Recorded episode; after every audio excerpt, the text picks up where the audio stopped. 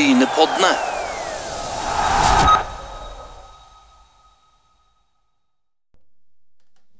Ja, I dag er det rett og slett en liten helligdag, og du har trykt deg inn på Brynepodden, og det setter vi utrolig pris på. Og eh, Asgeir han eh, er med oss på link fra Galilea, og det er jo en del som spør nye lyttere hva, du gjør der nede, så det må vi gjerne ta en liten repetisjon på.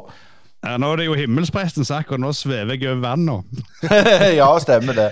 Nei, Jeg bor her og har gjort det i en del år, så jeg, jeg jobber som forfatter hovedsakelig og journalist. Så litt andre ting enn fotball, men eh, vi kjører på med Brynepodden. For de som ikke har hørt oss før, så er det bakgrunnen for at jeg bor her. Og har bodd her on-off siden 1994, så begynner det å bli noen år siden. Det begynner å bli det, absolutt. Men vi må òg litt innom uh, sykkel. Vi skal ha Tord Gudmestad som er full uh, i, i uh, proffsyklistlaget Uno X. Men jeg tenkte litt, der skal vi minne om Obos-ligaen. Nå er det sju og åtte runder. Det er Mjøndalen, Brann og Start på de tre øverste. Det er Bryne, Skeid og Stjørdalsblink på de tre nederste. Og vi kan vel òg nevne det Sandnes Ulf starta med fire goller på rad. Uh, tre tap på rad. Bryne hadde jo uh, 100 tap på rad, men de begynner å plukke litt nå.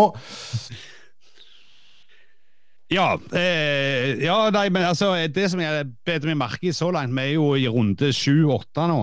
Eh, Bryne Mjøndalen spilte som kjent en kamp ekstra fordi Mjøndalen skal skifte kunstgress. Mm. Eh, det, det en ser tendensene til i år mot tidligere år, de siste årene, er jo at det, en har på en måte en sånn ganske klar tetgruppe på en seks-sju lag kontra noen år siden var kanskje ett og to lag som skilte seg ut og stakk ifra de andre. Så det virker jo som, som, som topp og bunn er litt mer eh, sveisa ut eh, tidlig i sesongen i år. Iallfall eh, kan du si det etter at eh, ja, det er vel eh, en femtedel røftlig av sesongen er spilt. Og Det som jeg syns er litt rart, altså det er jo disse vi har tippet i bånn, og det er disse vi har tippet liksom på topp. Det er liksom ingen noen dark horse å komme, og det pleier det jo alltid være. Tror du det kan komme det ennå? Ja, det tror jeg det kan skje, men det, det er jo dette om, om, noen faller av. Eh, altså Hvis Sandnes fortsetter den negative trenden, så, så havner de fort ned gjennom de òg.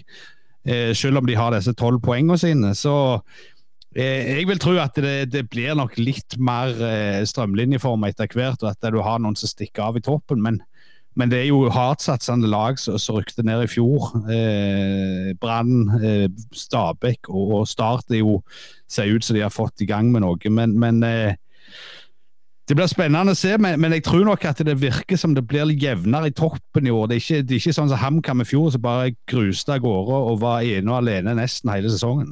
Nei, I dag så er det jo Skeid, eh, Sandnes Ulf og Bryne tar imot eh, Stabæk på, på Jæren. Så det, det, det, blir tøffe kamper. og så Hvis vi hopper over litt til Post Nord, vi har jo et, et halvt øye til, til, den òg. Og der var det litt en overraskende resultat sist, at Ståle Jørpeland knuste Vard 6-2. Og, og, Vard ligger jo på, kval, på nedrykk sammen med Stål og Notodden, og på topp der så er det Moss og Strømmen. Og der òg er det Eigersund har jo kommet litt, sånn, litt slow starter, men de òg er på gang.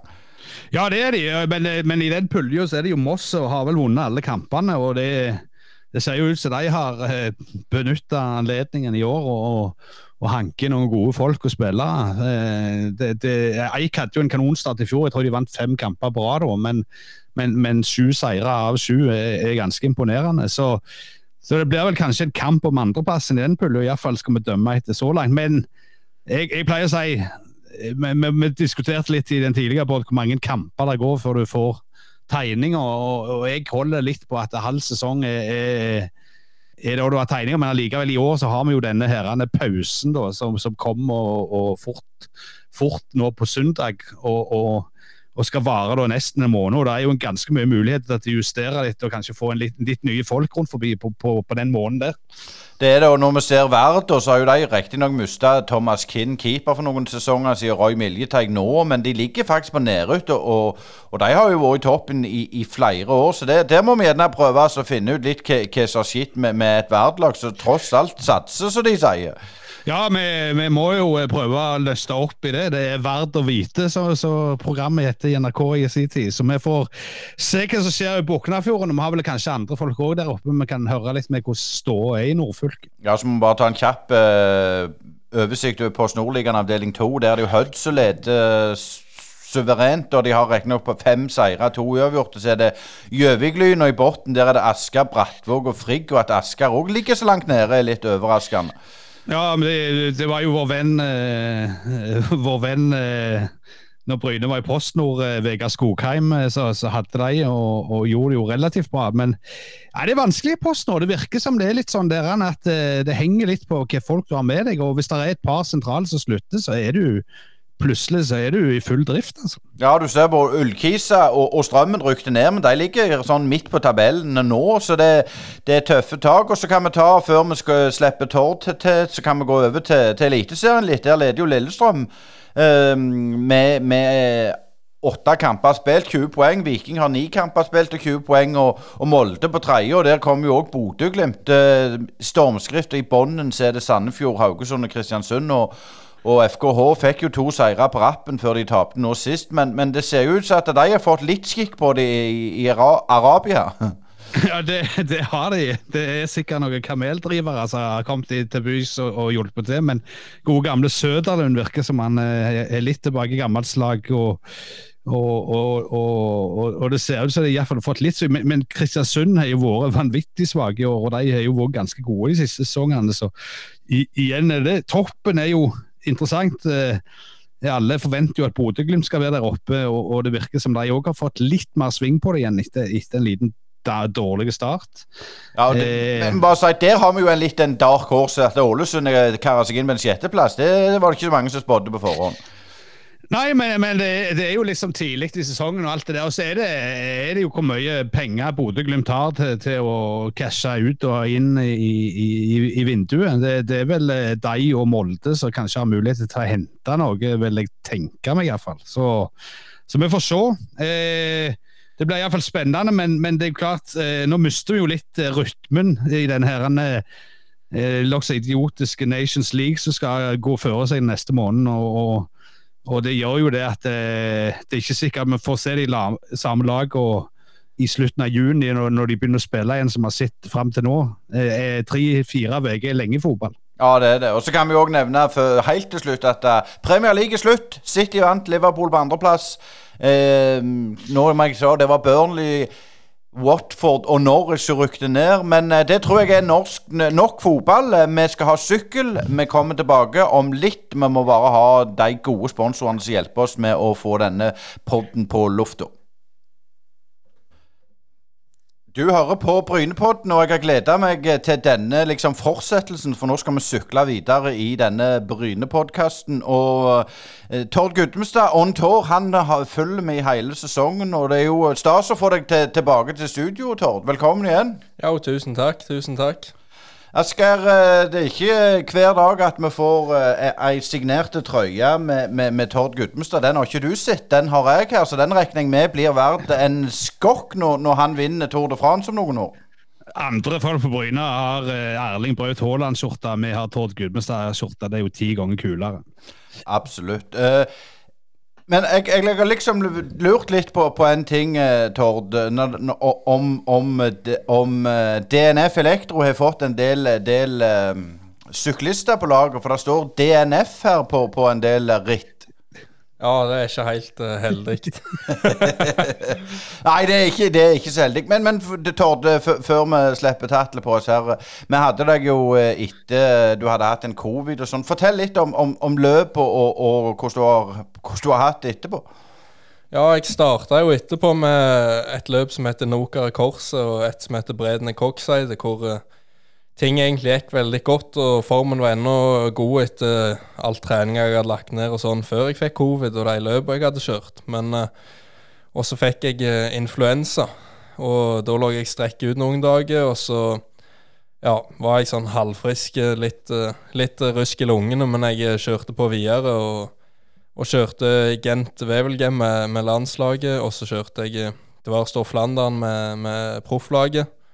Og så fikk jeg et tilbakeslag igjen eh, etter det. Så da var jeg ganske ring i ja, en ti dager. Så etter det har det roen vært å komme seg tilbake i form og hatt en treningsperiode. Og så har jeg begynt så vidt med, med løp igjen nå, da. Eh, men Todd, før vi kommer tilbake til deg i siste løpet du har vært med nå i mai i Frankrike. altså eh, du begynte jo eventyrlig med, med, å vinne i Tyrkia i, i, i januar, og, og, alle liksom tenker at dette kan bare gå en vei. Og så eh, sier du sjøl at det, du følte det var liksom etter covid det fungerte, og så får du liksom den der i trynene. Hvordan er det for, for en sånn ung lovende som ikke har så mye erfaring med å få sånne smeller? Altså, Hvordan takler du det rent, rent sånn mentalt?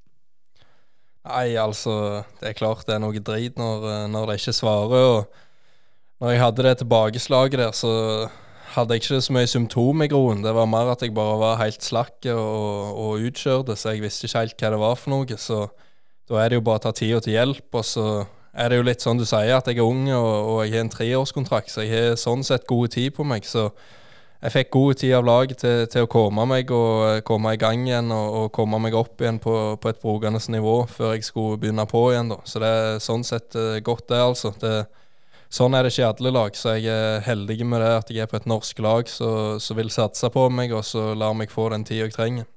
Men hva, gjorde du sånn rent praktisk? Altså, ble det sånn 15 sofaer, sofa, 15 serier på Netflix, eller, eller, eh, kjørte du sånn veldig rolige økter, sånn, eller var du helt uh, utkjørt? liksom? Nei, det har vært uh, mye sitting på, på sofaen og, og, ikke gjøre stort. Og ja, prøve å gå meg noen turer sånn og få litt frisk luft. Og ja, du får jo tid til å ordne litt sånn småting så, så du gjerne ikke har tid til når du trener felt og sånn. Så det var vel mye der det gikk i, da. Og, ikke gjøre stort og bare ta tida til hjelp og prøve å være gode. Sove mye og sånne ting, da. Eh, men så vet jo det på fotballbanen eller på, på idrettsbanen, så presser en seg for fort uh, etter en skade. Uh, hvor følte du går godt ble du på en måte passa på av, av medical staff når du, når du hadde dette? Nei, Jeg, jeg syns jeg ble godt ivaretatt. Vi har jo en uh, lege på laget, så da hadde jeg jo daglig kommunikasjon med han. og Vi var vel enige begge to om at vi skulle prøve å kjøre på videre etter, etter influensaen. og Litt hoste det kan du, kan du, godt sykle med, for å si det sånn. Du kan ikke, kan ikke stoppe å sykle bare for du har en liten skavank her og der. Så ja, for det meste så er det bare å gi gass og håpe at det heller. Så det hadde jeg jo mest lyst til sjøl òg, selvfølgelig, for du vil jo være med på løpet og prestere. og det var akkurat i den perioden eh, mange av de største løpene for våren var. Så jeg ville jo fort opp og tilbake igjen. Og så ja, kan du se i ettertid, gjerne jeg begynte litt fort på. Gjerne jeg hadde fått det tilbakeslaget uansett, det vet, det vet, jeg jo ikke. Men ja, sånn er det. Men eh, jeg får god oppfølging av alt det der, så det, det er helt hundre.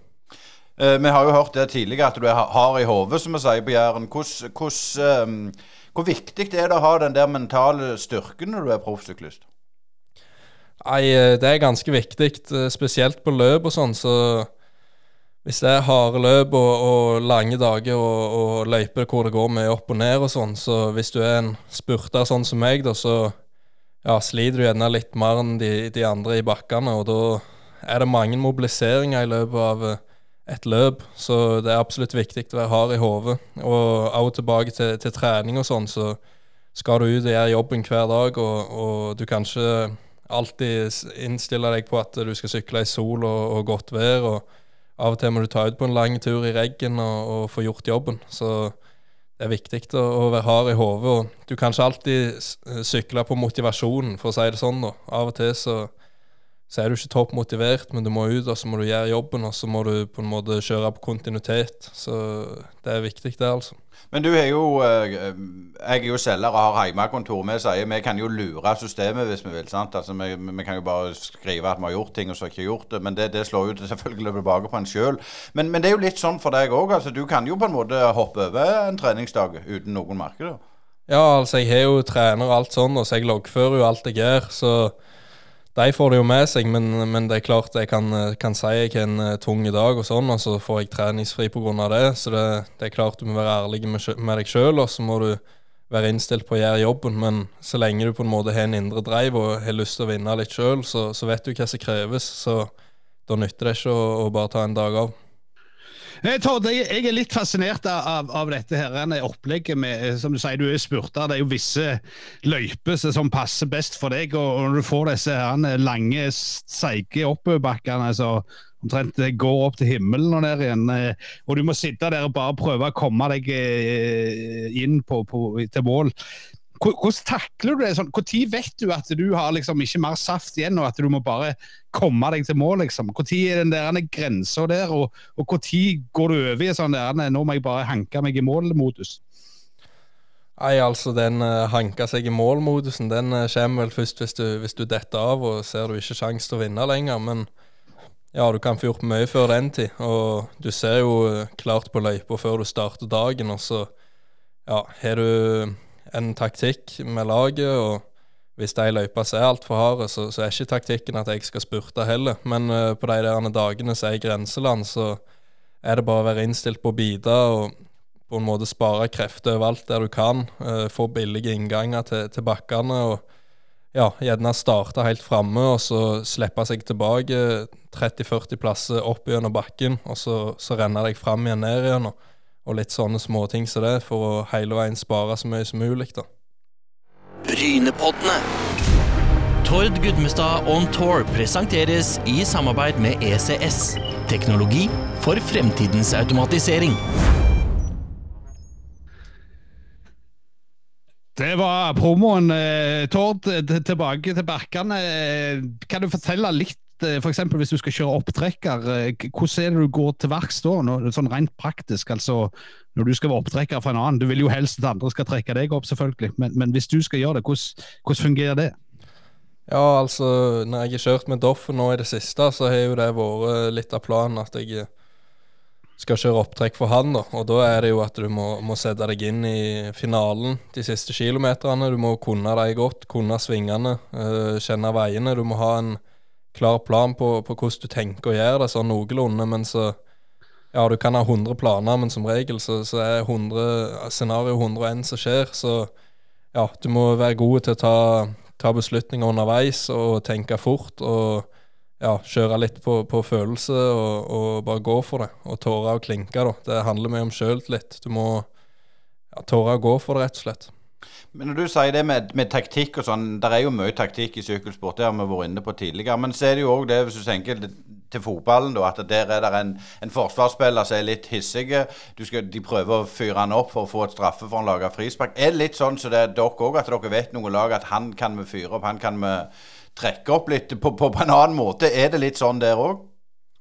Uh, eh, det, det, er jo alltid litt fyring og sånn, men uh, du, går ikke, du, går ikke, inn for å, for å fyre opp de andre. Det, det, gjør du ikke. Men uh, det er klart, hvis du gjør noen manøvrer som er litt, litt utfor bok og sånn, sånn som du av og til må ty til hvis det, hvis det kniper litt, så, så, får du høre det. Det, det er klart. Og så er vi ikke det aller største laget heller, så du må ut litt med albuene og, og, vinne respekten litt. Du, du, du, får den ikke gratis, for å si det sånn.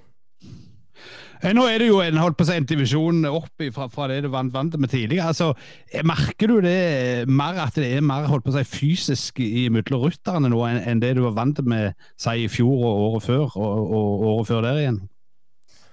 Ja, altså det er klart. Det, det er en del knepp opp når du blir proff, og spesielt uh, i de største løpene hvor hvor de beste kanonene er med, så merker du at det, det er et helt annet nivå på dem, og det, det, er et stykke opp der. Så ja, men det er jo gode erfaringer å, ta med seg. Eh, litt til, til disse rittene nå du har kjørt nå i mai. altså Det er fire ritt du, du har kjørt. Eh, og, og hvordan var det, Når følte du at det slapp opp igjen, og at du begynte å bli eh, på, den Tord vi snakket med i januar? Nei, altså Jeg har jo trent uh, godt i noen uker nå, så ja, du kommer fort opp et, eh, et godt grunnivå igjen. Og så er det på en måte å, å finpusse den der, eh, de toppene, da, og ja, hvor god du er på, på de maksinnsatsene. Og ja, jeg merker jo egentlig at jeg begynner å bli ganske god på det allerede nå. Så det kommer seg eh, helt klart, og jeg kjente på løpet òg at jeg er konkurransedyktig og vel så det. Så jeg håper at uh, de harde løpene jeg kjørte nå, gir meg en liten boost til inn mot det som kommer. Eh, nå, nå det, vant dere jo et ritt den 22. mai i, i eh, Frankrike. Eh, Idar Andersen vant. Og, altså, det, var ikke, det, var ikke, du som sykla først over målstreken, men, men, men, hvor viktig og hvor gøy er det når, når laget ditt og du hjelper de til å vinne? Nei, altså På en, på en sånn dag som det var da, sist, sist søndag, så vet du at løypa, var altfor hard for meg, og jeg går på en måte inn som en, som en klar hjelper. og det er klart det er ingenting som er bedre da enn at uh, han lykkes, og det, det, er det beste som er det. Men kan, kan, du ta oss gjennom de, de, andre tre som du sykla før det, det, siste rittet på søndag nå? Altså Grand Prix de Morbian, hva slags ritt var det? Det er et uh, litt sånn Det er litt klassikerpreg over det. Mye opp og ned og, og svinger og mange lokale runder. Uh, vi hadde vel tre mellomstore runder og så sju, sju små, tror jeg. Så du sykler liksom forbi mål mange ganger, og, og det var en målbakke på, på en kilometer. Så du ble godt kjent med avslutninga. Men, men, hvordan følte du det, det løpet gikk? Altså, du, kom, du kom inn som nummer 47, som, som i grunnen ikke sier så veldig mye. Eh, du, kan jo være rett bak vinnerne, nesten. Men altså, eh, kan, kan, du si litt om, eh, om, hvordan du følte deg i det rittet der? For det, det var jo det første på mest halvannen måned. Ja, altså, jeg var ikke helt sikker sjøl før jeg skulle starte, vet du. Så det er alltid litt, uh, litt, sånn at du er litt spent uh, før du setter i gang når det er lenge siden sist. Og ja, jeg følte meg i grunnen ganske godt uh, kjørende. jeg skulle egentlig kjøre opptrekk for Kristoffer Halvorsen, men han hadde ikke den beste dagen, dessverre. Så planen var at jeg skulle kjøre opptrekk og, og eventuelt være med på tidlige finale, som vi kaller det. Altså hvis, hvis kanonene begynner å rykke innledningsvis før før de siste kilometerne, da. Og det, det skjedde jo, da. Så et lag som UAE hadde ikke med noen uh, spurtere, så de begynte jo å sette fart på det allerede med seks-sju mil igjen til mål. Så jeg var jo med og herja litt da. Og så har vi jo radio når vi sykler, så jeg fikk jo på øret at at Kristoffer hadde, hadde mista gruppa, da. Så da på en måte må du jo omstille, og da skulle jeg jo plutselig prøve å, å levere en spurt. Men uh, det er klart at uh, med, med de rykkene og sånn, så, så mangler, jeg, mangler, jeg, litt på slutten til, til, å være med og kjempe med de beste. For det, det koster ganske mye når du skal begynne med, med, å rykke, og så skal hente deg inn igjen. Så ja. Du sier radio, du har ikke pod på øra, da? Ei lite pod, men uh, du skulle trodd det av og til. Det er mye, mye snikksnakk bak det. ja. men, men, det jeg, til deg, jeg var jo litt sånn uh, morsom som jeg pleier å være. Asker syns jo det, det, at jeg er så løyen av og til. Men det, det, DNF, altså did not finish. Er det noe det med et lag må det, hvis, hvis, alle på en måte bryter utenom om er, er det noen regler der?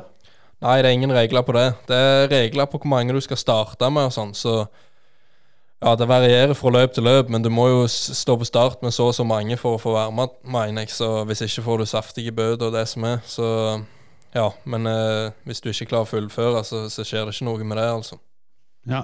Nei, men så Litt tilbake til den lista. altså, Trobo Leon det var jo uh, did not finish, som, som Øystein sier. og Tour de Finistre, kan du, kan du beskrive de løpene der litt òg for oss? Ja, Trobro Leon var jo et, et løp jeg hadde sett litt fram til. med ja, enda mer uh, type klassikerløp med, med, mange grussektorer. Jeg lurer på om det var 30 grussektorer. Eh, reggen og, og, litt sånn Stavanger-vær. Så det var jo noe jeg gleda meg til. Eh, og så hadde jeg stoppet for å pisse og var på vei opp igjen til, til, til pulja. Eh, og så presterte jeg jo å tryne i den ene venstresvingen. Det var en bil som sto akkurat i, i, utkanten av svingen, så jeg måtte ta ei litt, uh, litt, for skarp linje der, så da sklei jeg rett ut. Uh, så jeg fikk meg en god trøkk i, i hofta der og sånn, men jeg kom meg jo tilbake igjen til, til gruppa. Men uh, det er klart Det er ikke så lett å, å omstille seg igjen, da. kom jeg med igjen og sånn, og, og, så var jeg jo i gruppa. Kommer over en del av sektorene, um, og så sklir jeg jo ut en gang til, vet du, på grusen. Så da ja, var det styret sto skeivt og sånn, så jeg måtte på reservesykkel. Men bilen er jo langt, langt bak, fordi at det er gruppe i hytt og vær, og folk punkterer. Og på de smale gruspartiene så kommer ikke bilen seg fram. Så når du står i fem minutter eh, og venter på en ny sykkel, så, så fikk jeg jo den, men da er på en måte løpet kjørt, da. Så det var jo drit, men etter det første veltet så hadde jeg nok ikke klart å få til noe uansett. Men, men, kan du si litt om, om, det der eh, altså, Vi ser jo og har sett i, i sykkelløp de som tryner, og det ser jo Jeg spørs jo hvor mye fall der er på nedoverbakken, men, men altså holdt på å si, Hvor lenge holder du på før du sier at dette er galskap? Altså, er det sånn at du når du begynner å se knok knoklene, sier ja, jeg må kanskje stoppe litt der? eller er det noen sånn grense der, eller opp til hver enkelt rytter? Det er jo opp til hver enkelt rytter, men uh, du har en sånn medisinbil som ligger rett bak dommerbilen, så den ligger som bil to bak, uh, bak, feltet. og Hvis du kvelter og så vidt klarer å stokke deg på beina for du sleier hodet, f.eks., da kan den uh, liksom steppe inn og stoppe deg. da. Det er spesielt blitt mye strengere de siste åra for rytterne sin sikkerhet. men hvis du slår hofte og arm og, og kragebein og sånne ting, så, så, er det bare å sykle videre. Det, det betyr ikke noe om du brekker noen bein?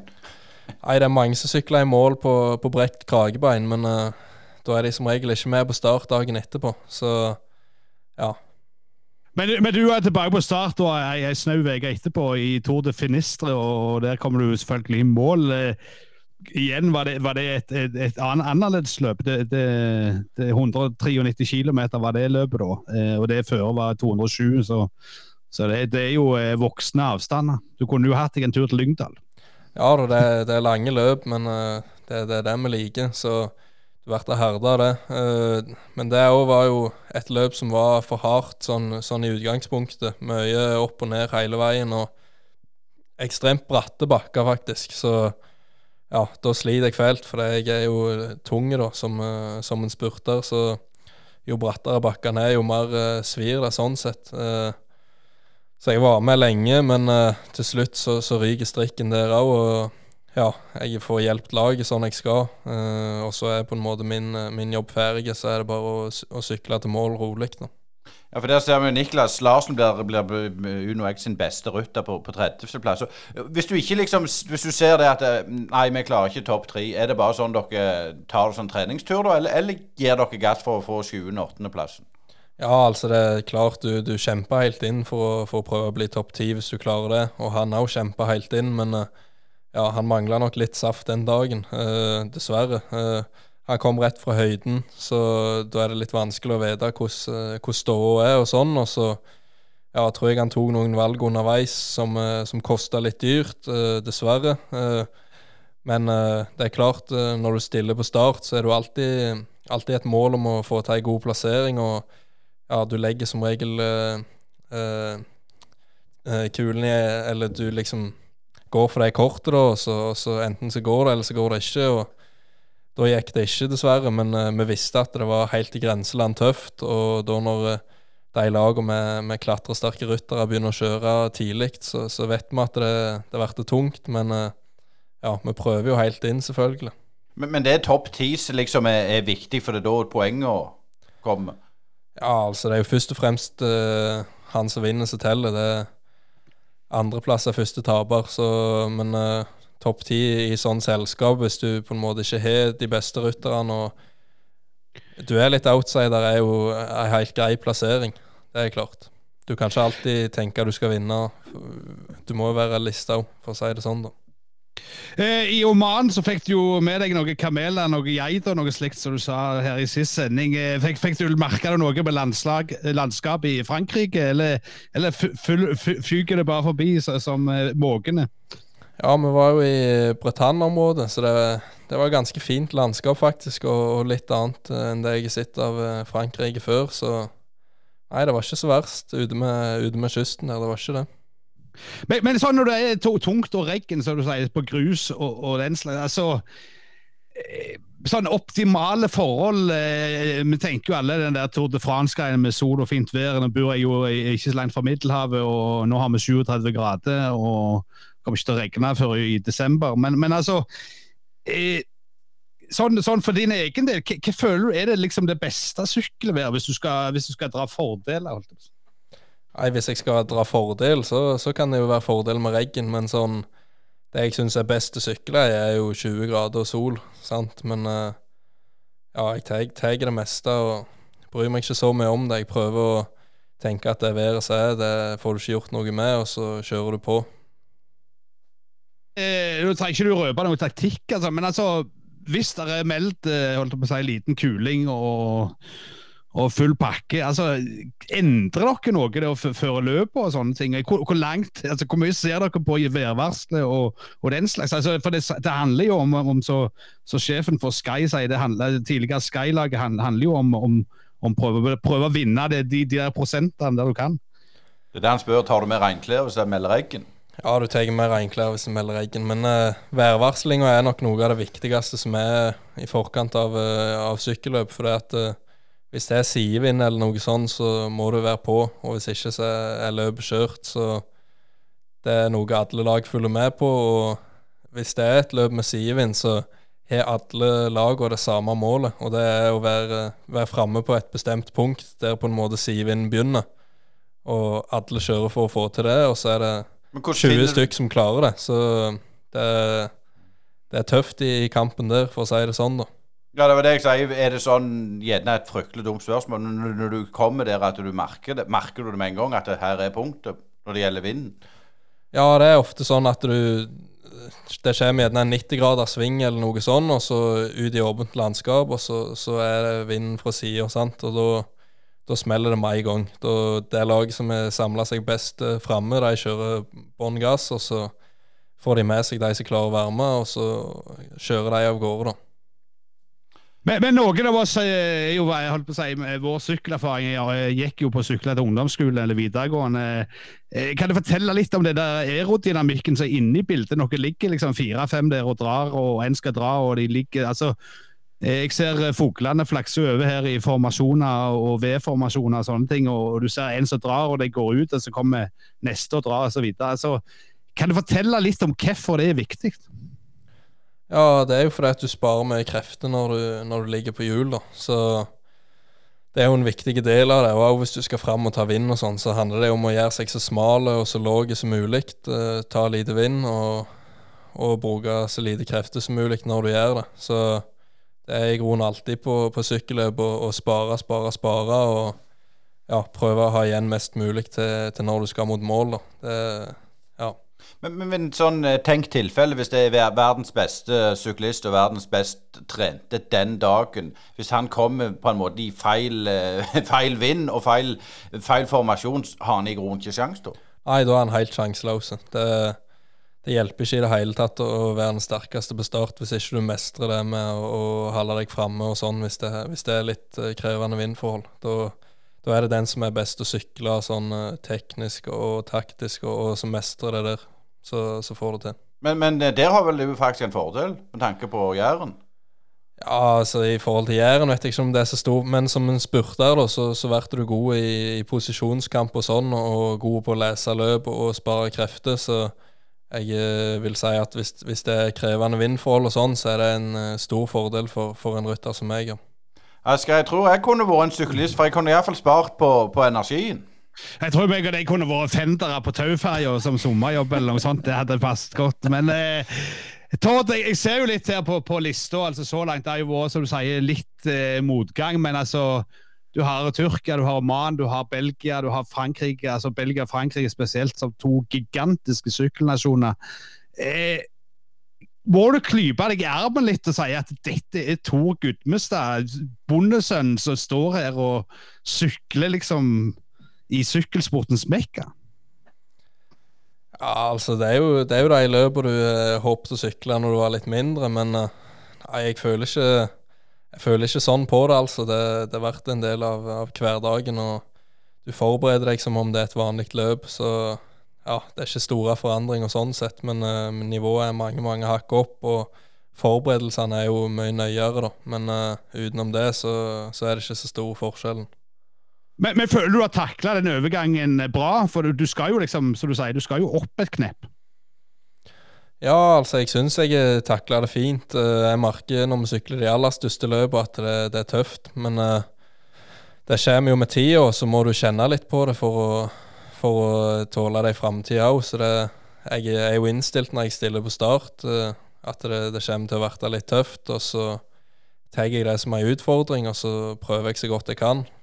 Men klart, nå, nå har du vært litt veldig med litt sånn influensa og, og sykdom og sånn. Men, men sånn så Tror du det blir det mentale som blir tøffest, eller er det det fysiske? Nei, altså i, i sykkelløp så føler jeg at det sitter ekstremt mye i hodet. Eh, hvis jeg har en god dag og på en måte klarer å gå skikkelig djupt, så, så kan jeg bite meg med mange, mange bakker bare på, bare på å bestemme meg for det, og bare ta det hjulet framfor meg og, og, bestemme meg for å ikke slippe det. Så ja, jeg tror det er noe som uh, ofte skiller de som uh, gjerne får til de store ting, og, og, de som gjerne ikke når helt opp av og til. For det, det er mange på trening som, uh, som, kjører ekstremt fort, som gjerne aldri får det helt ut. Og det er klart, da, er det viktig å, å ha den litt X-faktoren i, i hodet til, til, å gå litt ekstra dypt når det gjelder, og sånn. da.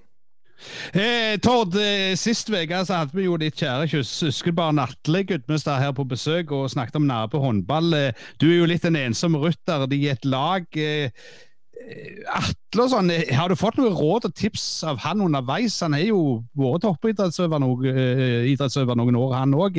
Er det noe sånn internt i familien der dere gir hverandre litt sånn småtips?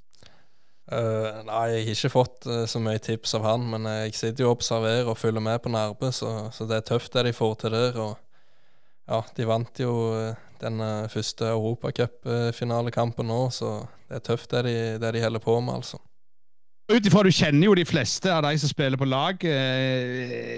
altså er det sånn litt av og til at du tenker ah, jeg skulle ha begynt på håndball, jeg òg, eller fortsett med håndball, jeg òg? Ja, altså det ser jo ekstremt gildt ut det de holder på med der. Det, det, er helt klart. Så det hadde sikkert vært gildt å være med på det. Og ja, lett å tenke i de banene der når du sykler i to grader regn. Det, det er helt klart. Men uh, jeg trives godt med sykling, altså. Det er litt mer opp til meg sjøl uh, eh, hvor god uh, jeg skal verte og sånn, og ja, hva resultat som skjer med. Men for, for, å dra den litt videre med, med Nærbø håndball og deg, Tord. For det, hvis folk som ikke er kjente med Jæren og Nærbø, som lytter andreplass i Norge, så, så, er det jo eh, en avstand på en langpasning der vi har eh, et lag i Europacupfinalen. Vi har deg som er i europatoppen det gjelder, det gjelder sykling. Det er jo, det er jo helt, egentlig helt absurd. Ja, det, det er helt sjukt. Det, det, er ikke noe å si på det. De er gode. Er det melka som gjør det? Uh, jeg tror det er gode holdninger og hardt arbeid, rett og slett. Det hjelper noe som dreier, Asker. Det er det. Litt òg så hadde vi jo eh, din, din treningskamerat eh, som, var i en veldig kinkig situasjon her i, i vinter pga. Av, av laget hans eh, som, som var russisk ble tatt ut. Så har òg begynt med proffeventyr og, og, fant seg til slutt en klubb med, med, med Coop. Eh, hvordan er holdt på å si, treningsmiljøet? For dere trener jo på tvers av lagene, som, som kan jo høres litt spesielt ut for de som ikke er innvia sykkelsport. Ja, det er godt treningsmiljø. Eh, vi møter på Spinn Hillevåg eh, ti stort sett eh, hver dag. og Der kan du sykle med, med alt fra Kristoff, som er en av verdens beste ryttere, til, til ryttere som er på vei opp og fram, og ja, som kan pushe, være med å pushe deg det lille ekstra på, på trening. da. Men, men, er det liksom Det der miljøet der, altså Føler du Er det noe du har lyst på, på lyst til å fortsette med, eller hadde det vært finere å ha en liten villa på Rivieraen og, sykla litt opp mot Alpen og, og kjent, kjent, litt på motbakken? Nei, altså det er klart jeg trives godt her i Stavanger-området. og Jeg kommer nok ikke til å flytte ifra det med det første. Jeg eh, syns det er godt. Eh, jeg kunne ikke tenkt meg å bo en plass der jeg måtte ut og sykle alene hele veien og sånn. Eh, da blir veien mye lenger. Så det, det er mye mye fordeler med å, å, bo her, det er det ingen tvil om. Men, men til søsken på Atle Gudmestad var jo det grand old man i på håndball, og han sa han hadde liksom sånn, kall det en farsrolle i laget. Eh, når du, når du er, ung, ung, og lovende nå, med, med tanke på at Kristoff er rundt dørene og, og, og, sånn, hvor, hvor, mye betyr det sånn for din del? Er, er det en ekstra motivasjon? Ja, det er klart det. Du trener med han og, og ser eh, hva han leverer, så det er klart det er en stor motivasjon. og og så ser jeg òg at uh, han er gjerne den som trener mest og hardest, og, og, som jobber mest for det. Så det, det gir litt, uh, litt motivasjon til å, til å, gjøre det litt ekstra i, i hverdagen, og at uh, det viser at med, med trening så, så blir du god. Og ja, hvis du, hvis du, er den som jobber hardest, så, så hjelper det som regel godt på. Eh, nå var det jo starta jo Tour of Norway på, på tirsdag eh, i denne uka, og, og, der gjorde dere jo òg ganske bra. Ja, eh, jeg så Tobias vært nummer to på, på klatreetappen nå, første etappen. Så det er jo et fantastisk resultat mot, mot en hel haug med verdensstjerner. Så han er kanongod. Sånn for, for din del videre nå, der du skal ikke være med i Tour of, of Norway, men, men sånn videre ritt, vet du hva du skal sykle? Ja, jeg skal sykle et løp uh, nå på søndagen som kommer. Uh, GP Marcel eh, Kint heter vel det. Uh, ja, et eh, halvstort løp i Belgia. eh, og så går det direkte videre til Tsjekkia, hvor jeg skal sykle fredsløpet med U23-landslaget. eh, der jeg har ambisjoner om å gjøre det godt. Eh, det er iallfall et par etapper som eh, bør passe godt. Eh, og så er det to løp til i Belgia, og, og så NM før en, eh, en liten pause med ny opptrening da, mot siste del av sesongen. Men, men nå snakker vi jo med deg ikke så veldig mange dagene før du skal sykle i Belgia. Altså, hvor, hvor lang tid i forveien eh, tar dere nedover og, og tester løyper og sånn? Det varierer ganske mye. Uh, sånn som i Belgia i vår nå, så var vi bare der nede og bodde der. Eh, nå reiser vi ned på fredagen, løpet er på søndagen, så da har du en dag hvor du sykler litt gjennom ja, sånn målområdet og sånn, da, og tar en liten recon på det, og så legger du opp en plan etter det. Sånn, eh, dette med utstyret nå, det er jo selvfølgelig proffsyklister, så dere har jo det beste utstyret. Men hvor, hvor, viktig er det? Altså sånn Punkteringer og fall og sånn. hvor- Hvis du tenker sånn litt prosentvis, hvor mye betyr det? På punkteringer så betyr det ganske mye. Eh, på fall så er det nok ikke så viktig, men eh, spesielt på den der aerodynamiske biten med, med å spare krefter og sånn, så er det helt avgjørende å ha godt utstyr. Det er det ingen tvil om. Når du vet I Formel 1 så er det jo sånn de kjemper mot å finne den beste aerodynamiske drakten og hjelmene, og nå fikk jeg meg jo drakta de her. Men, men er, det, er det sånn i sykkelsporten òg at dere liksom eh, tenker på det hele veien, på en måte? Ja, helt klart. Det er vindtunneltesting og testing på bane, og ja, det er små marginer, og du prøver alltid å, å finne de små tingene som, eh, som gjør at du har en liten fordel i forhold til konkurrentene. Men, men eh, du, du for egen del, Tord, du si, du er jo relativt ung ennå og, og på en måte opplever dette eh, første, andre sesong. Eh, hvordan er det for deg? Eh, Liker du best det der dere reiser ned på fredag enn du sykler på søndag? eller, eller liker du det der å være liksom, en måned, halvannen på hotellrom og bare drive på og sykle og sånn? Altså, er, er du mest bekvem med det, eller liker du best det der å være hjemme og holde på og så ta deg en avstikker, liksom? Nei, altså jeg sykler først og fremst for å sykle løp, men uh, hvis jeg skal trene, så ligger jeg meg helt klart best hjemme. Uh, men uh, hvis det er mye løp som kommer, så trives jeg godt i utlandet og det er klart. Litt sånn når du snakker om utlandet, det, det der er jo burgere overalt. Men, men det, det- dette med, med kosthold og sånn, tar, tar laget med seg mat, og dere følger et veldig strengt regime, eller, eller er det sånn du kan ta Du kan ikke spise hva du vil, men, men at det, det ikke betyr noe hvilket land du er i? Ja, altså, vi har eh, de staff da, som er med, uh, hjelp, uh, songjørene som vi kaller de, eh, som masserer og sånn, og, og blander flasker og alt det der. De ordner morgensmat til oss hver dag, og de ordner ris eh, til alle måltid og sånn, så ja, det går mye det samme. Det, til morgensmat så er det enten ris eller noe sånn eh, overnight eh, oats, som vi kaller det. Altså noe havregryn som stander over natta med, med noe væske i. Så det går mye det samme, og så er det gjerne kylling i tillegg, da, eller, eller laks. Så det går mye det samme, men det, det er godt, det. Så det, det var liksom ikke bare Det var ikke en halvslam døner som gjorde at du vant i Tyrkia, liksom? Nei. Nei, det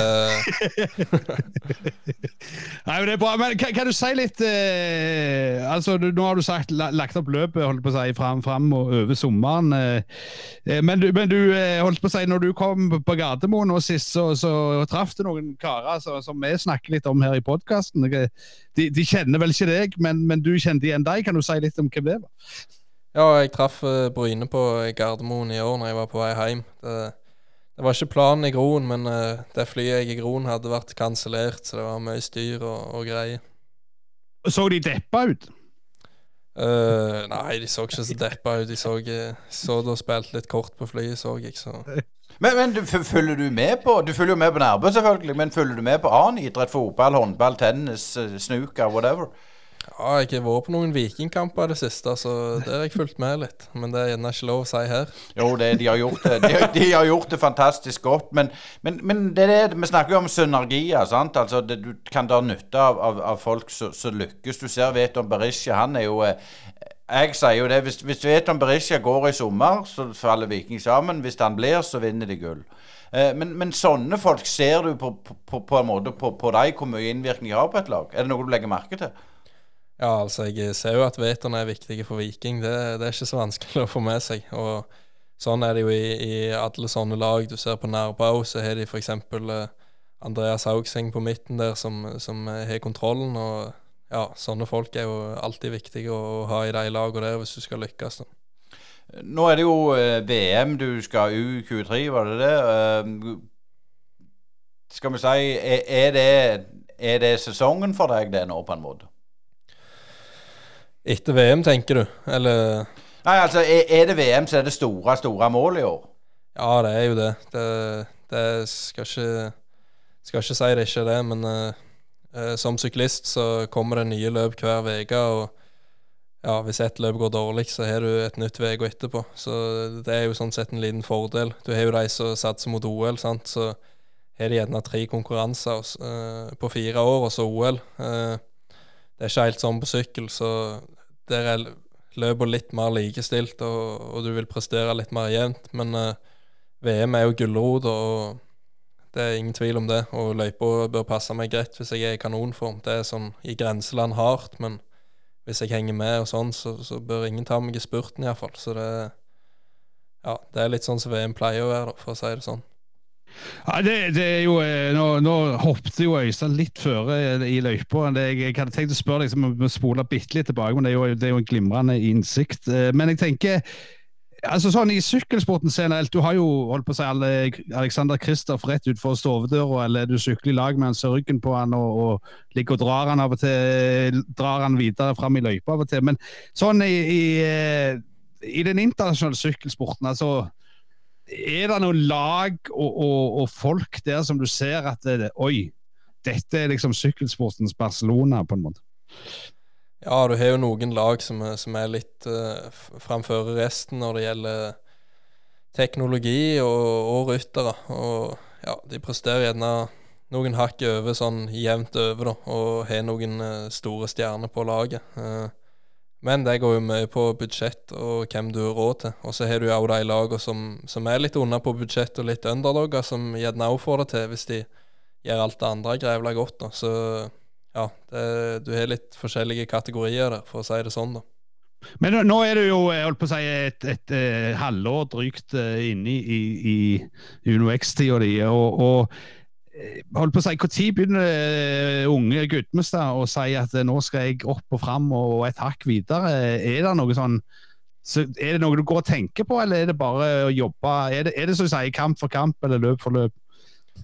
Nei, altså du tenker alltid at du vil opp og fram. Så X sier jo at de, de har lyst til å være World Tour på sikt, og det er jo den øverste divisjonen. og det er jo der jeg vil sykle på sikt. Så hvis de får til det og sånn, så har jeg lyst til å være med på det. Og hvis det ikke blir det, så må jeg jo se om at jeg eh, gjerne skal vurdere noe annet. Men uh, sånn det er nå, så er Uno X helt klart uh, det beste for meg. Og ja, jeg stortrives. Det er nordmenn på laget så du kan, kan, snakke med og alt det der. Så ja, det, det er helt klart her jeg vil være de neste årene. Men Kan du forklare litt for, for lytterne? Altså, hvis dere skal opp i, på worldtour-nivå, altså, hva må dere gjøre da?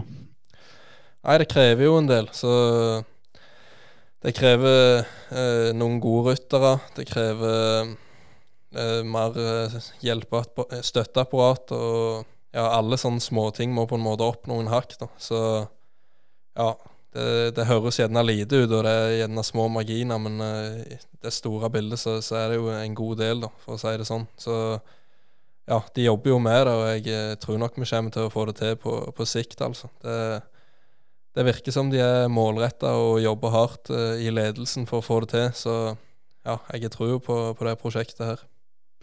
Men nå er jo eh, holdt på å si, Tour over i rulle og går i Norge, men snart er det jo giroen, snart er det Tour de France, snart er det i Spania rundt. Eh, så, som utøver, hvor, mye ser du på disse storløpene sjøl?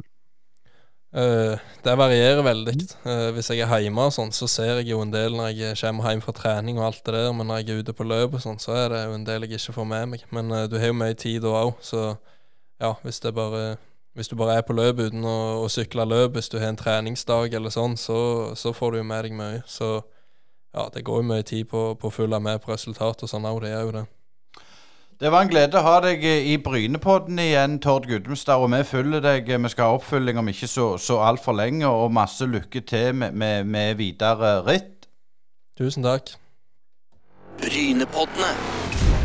Tord Gudmestad on tour presenteres i samarbeid med ECS.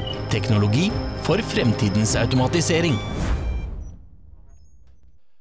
Tusen, tusen takk for at du har funnet Brynepodden på eh, ditt apparatur. Enten det er iTunes, iPhone eller hva du enn bruker. iTunes ja, det er vel gjerne en plass, plattform. det er iTunes og Spotify. Blant annet, eh, Asgeir, vi er jo på de fleste plasser. Det er vi, og, og, flere plasser er der. Så vi vet jo ikke helt hvor, hvor folk er, men det er jo litt eh, ulike plattformer folk bruker, så det funker godt. Og så går det jo an å gå inn på, på hjemmesida vår og rote litt tilbake i arkivet. Det er mye spennende som ble sagt eh, tidligere òg, og en del av det er fremdeles aktuelt. Absolutt. Og det som ikke er minst aktuelt, det er at vi hadde en god prat i dag med Tord Gudmestad. Og, og, det er klart jeg reflekterer litt over Tord og Nærbø. Vi snakket om uh, cupfinalen mot Bayamare, der de, de, vant med noen fire mål, var det vel, og, og returen er om ikke så lenge. Det er imponerende, den lille plassen, for det er ikke stort å ha så store uh, idrettspersonligheter. Nei, det, det, de har fått til et, et, vanvittig miljø. Og så er det jo, som Tord òg sier, det, det, er jo kjekt å se at noen hevder seg i andre idretter. Han har jo gått alene. Det er jo klart, er du et lag og et miljø, så har du mer å dra på. Mens eh, for hans eh, Tord sin del så er det jo mer de der han er ensomme timene på sykkelen. Men det, han har jo et godt miljø, han òg. Det treningsmiljøet som han har da i, i Stavanger-området. Så, så det virker jo som, som det, det, er bra. så Det blir spennende å følge med. Det var kjekt å ha han tilbake. Nå har det jo gått en stund, men som vi hørte, så har han jo vært litt syk, og sånn, så det har jo ikke gått helt etter planen. Men eh, det er enormt kjekt å følge en, en så ambisiøs eh, Tord. Det er det, og jeg føler han har vokst uh, mentalt og, og sportslig. Sist vi snakket, så jeg tror dette kan bli utrolig spennende for både Tord og oss, og ikke minst landslaget. Framover så vi får vel rett og slett bare ønske lytterne en hjertelig god eh, eh, himmelsbrett. Og i dag, når denne poden går, så er det Bryne Stabæk på Bryne stadion klokka seks. Eh, den skal vi satse på at det blir en ryser. Gaute Larsen han har meldt sin ankomst. Han hadde vi òg i Brynepoddene for litt siden. Han er nå i Stabæk. Og det var det vi hadde. Vi sykler videre neste torsdag, og takk for følget. Brynepoddene.